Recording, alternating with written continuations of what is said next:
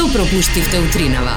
Стандардната приказна роденден на 079-274-037 или facebook.com коса црта тиктак и Зорка или на Instagram тиктак и Зорка. Она што минатата недела јас најавив дека ќе се случи е дека која и да ќе почнеме да кукаме каде е заладувањето, дека е жешко, дека не се дише. Во моментов 23 степени, дневната температура ќе се искачи до 33 степен. До недела нема абер од дошт, а температурите во просек некаде околу 31 до 34 степени максимални. Што да ти кажам? Остани на Радио 2. Добро утро.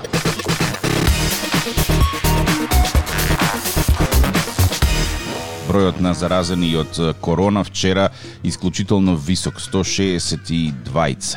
Вкупната бројка на заразени во држава надмина 6000 што Во превод значи дека за околу 30 на дена бројот на дуплирани се има заразено. За Скопје бројката оди надолу, два дена веќе пореде под 100, меѓутоа скоро и да нема град во Македонија во кој што нема заразен од коронавирус. Слична е ситуацијата и во сите држави низ Балканот, во соседството во Србија најавија можно воведување на некои рестриктивни мерки со цел да се сузбие неконтролираното ширење. Делот тие мерки најверојатно ќе биде затварање на ноќните клубови и ревидирање на работата на рестораните во соседна Србија, а што ќе се случува кај нас, времето ќе покаже сега за сега. Според министерот за здравство нема потреба од воведување дополнителни мерки, а сместувачките капацитети на болниците се исполнети до 60%, меѓутоа ова е на државно ниво, скопските болници горе доле ми се чини дека веќе се полни. Она што ти лично можеш да го направиш за коронавирусот, мислам дека на сите ни е јасно. Често миење раце, носење маска и избегнување на поголеми групирања од типот на прослави, родендени, слави и слично, кои што најверојатно се главниот извор и, и жариште за ширење на, на вирусот. Контакт со помал број на, на лица при носење на заштитна маска не представува сериозна опасност, меѓутоа неносење маска и семејни веселби е малте не кажано рецепт за катастрофа. 079 279 034 телефонот или facebook.com се црта тиктак и зорка доколку имаш роден ден. Од денеска до петок ќе се врши терестријално прскање против комарци, бидејќи од авион ги нападнавме два викенда поред, сега ќе ги гаѓаме оние кои што се кријат по земја. Така да ако чуеш камиони рано наутро да знаеш дека тоа се прска против комарци.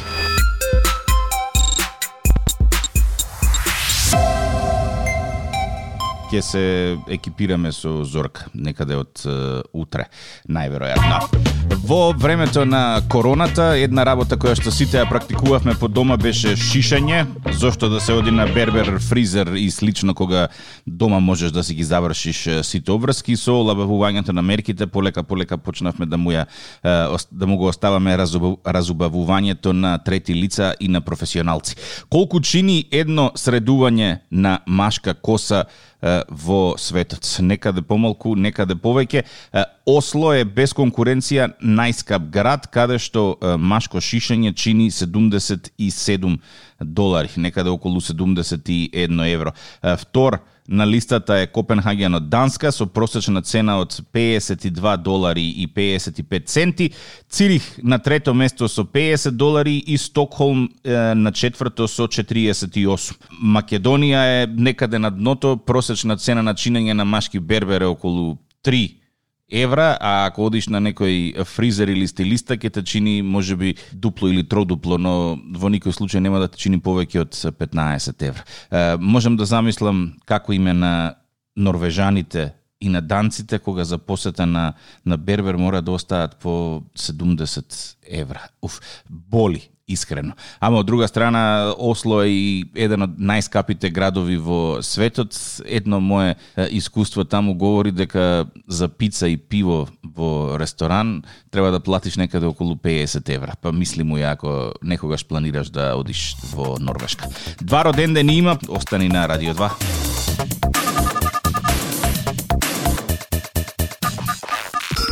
Ајде да се обидам И ја за Волкот, Волкот на врата. Добро утро. Добро утро. Како си? Добро, фала му на Бога. Ако така треба. Рано станат од Сабајле, бизи дей пред тебе или како е работата? Кој рано ради, цел ден се прозева. Е, така е. Уште понеделнички кога ќе подраниш од Сабајле, што да ти кажам? да го фатиме денот. Да, те изненади од Сабајле со нешто у кревет? Па, Мислам, не, не, не ме сваќа погрешно, лошо се изразив. Дали, дали ти изненадија Сабајле со нешто кога се разбуди? Песна, свеки, торта, нешто едно, друго, трето. па ми изненадија комшивката ми дојде, жена А и комшивката знае дека ти е роден ден, а? Па да, првата комшика од лева страна. Е, Среќен нека ти е со два дена за доцнување од мене. Знам дека ти беше во саботата. Благодарам, ова е мојот омилен водител. Фала ви, имате убав ден и вие. Ја кога ја видов брадата, тоа ми стана омилена брада. И искрено да ти кажам, станав толку љубоморен затоа што е, ќос сум во принцип. Не можам да пуштам брада. Треба 14 дена да не се бричам па да има нешто што наликува на мов. А она што ти го имаш, па тоа е градина која што се одржува и неам коментар. Убавината треба се гледа во душата на човека. Јас бре човече немам толку коса колку што ти имаш брада, мислам. Ало. Не, не е мудроста во брадата. благодарам, благодарам. Имај Поздрав. прекрасен ден и се слушаме наредна прилика. Фала, бидете живи и здрави, секој е добро. Поздрав. Чао, чао.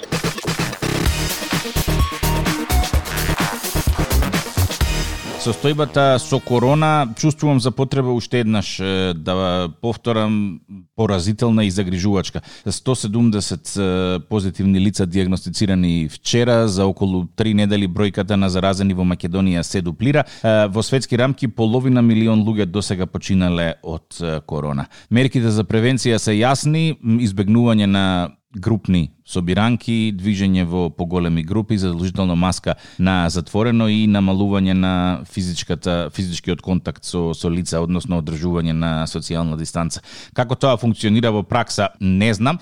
Знам дека во саботата на улица Орце Николов во Скопје полиција сопираше возила да провери дали сите оние кои што се внатре во возилото носат маска.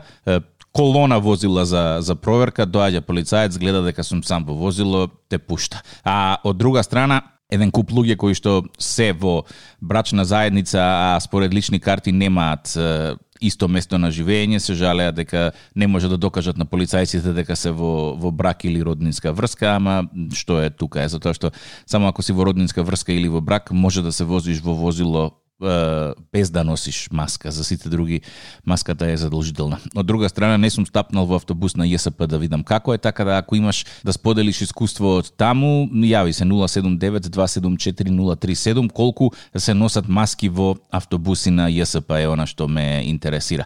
Има уште еден роден ден, а денеска е, ја имаме и Кумановка околу 9 часот. Остани на Радио 2.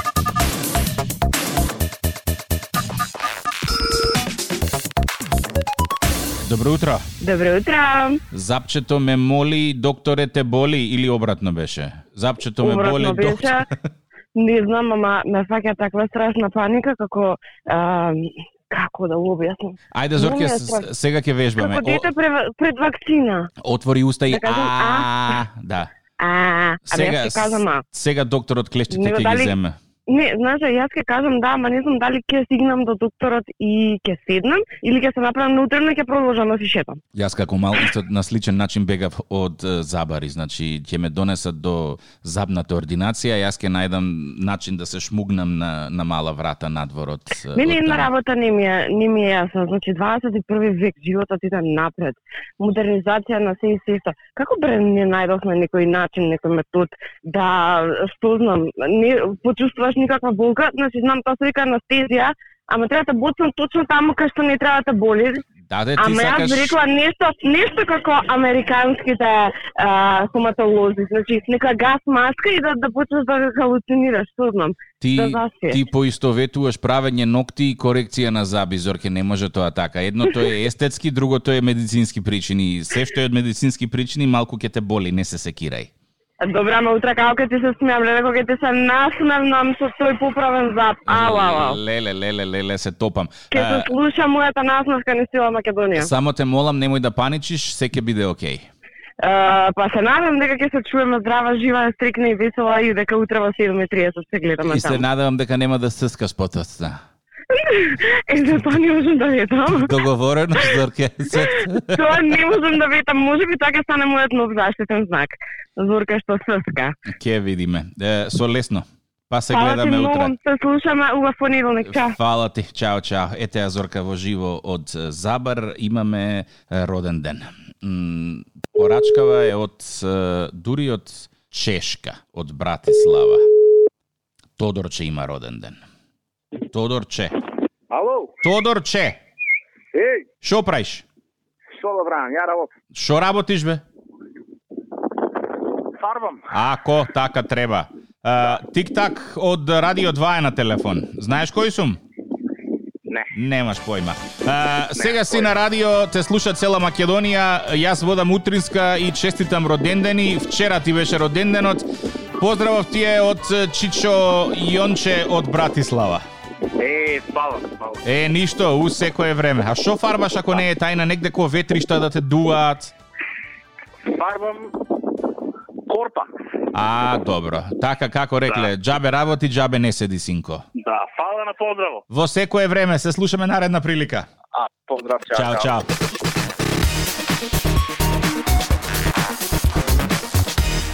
Натке, добро jutro. Добро јутро. Како е у Куманово? У Куманово е одлично, сунчано, има да биде топло денеска, идеално време за моју само што тазе соберено домашну лимонаду или домашен швеп. Береше лимунада. Не прави, не сам брала, тој не се бере, тој се прави. Па затоа како ка кажат тазе набрано, ја викам кај се бере лимунада, јас знам дека лимунада се прави, можда лимуни се берат, ама лимунада се прави. И да, ре- ово е тазе соберено, рецептот? А рецептот е строго чувана тајна. И сак ти е криво што не си у студио, нели? да, криво сум, ама Е. што е тука е. Ај, ке, Ајде за подобри времиња. ке пушти ди- директорот нешто за за по дома да пробаме од таа лимунада ваша што ја што толку што ми ја фалиш.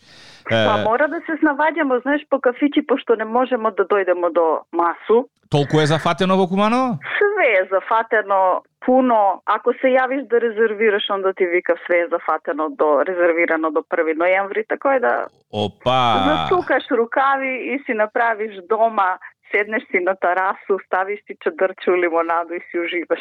Е, види, во Скопје кафани и кафулиња празни. Ја кога и да поминам со точак покрај некој локал, од 6 маси само на две седи народ. Ама виште скопјанци, тој коде Кумановци е разработена шема, не, никој ни нема раван у тој смислу. Е, затоа ќе се биете битка со со корона. Носете Па, ли маски по улица? Па, носи се, носи се. Одредени делови се носи, одредени делови не се носи. Како и сегде. Скопје. Некој е одговорен, некој не е одговорен. Некој ќе биде Тачно. здрав, некој ќе биде болен, ама што е Таксно, тука? е- за тој ми ќе си седимо и домашно лимонадо ќе си пиемо. Уф, можам да замислам, види. Ти денеска го почна она што јас вчера и завчера тврдев дека ќе ќе почне да се случува, а тоа е кај дај ќе кукаме леле колку е топло, каде се тие студените денови. Ништо ми ќе си ставимо лигенче у, на терасу. И нозе во легенче. Да, нозе во легенче. Чедрче у лимонаду, поглед пред нас, одлично. И фали ти уште само чик куманово влечки.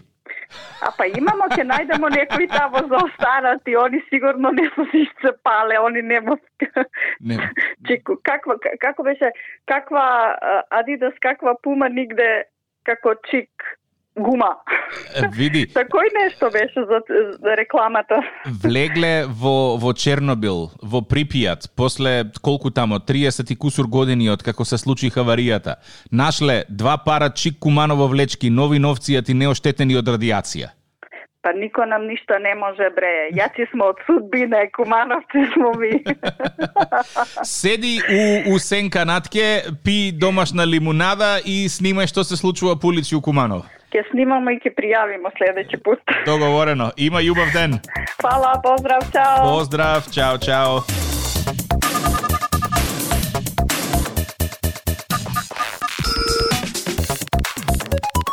Тик-так без зорка утринава, доколку излегуваш надвор, ќе си земеш маска и задолжително крема за сончење, затоа што ува индексот полека полека оди нагоре до 13 предвидено денеска, максималната температура до 35 степени. По скопските улици стандардни гужви за крајот на јуни месец.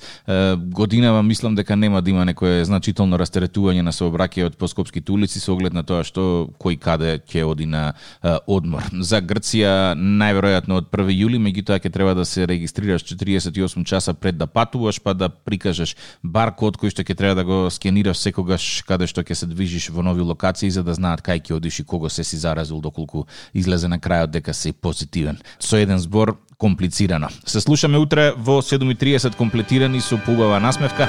На Радио 2, секој работен ден од 7:30. Будење со Тик-так и Зорка. Во случај на неконтролирано смеење и симптоми на позитивно расположение, консултирайте се со вашиот лекар или фармацевт.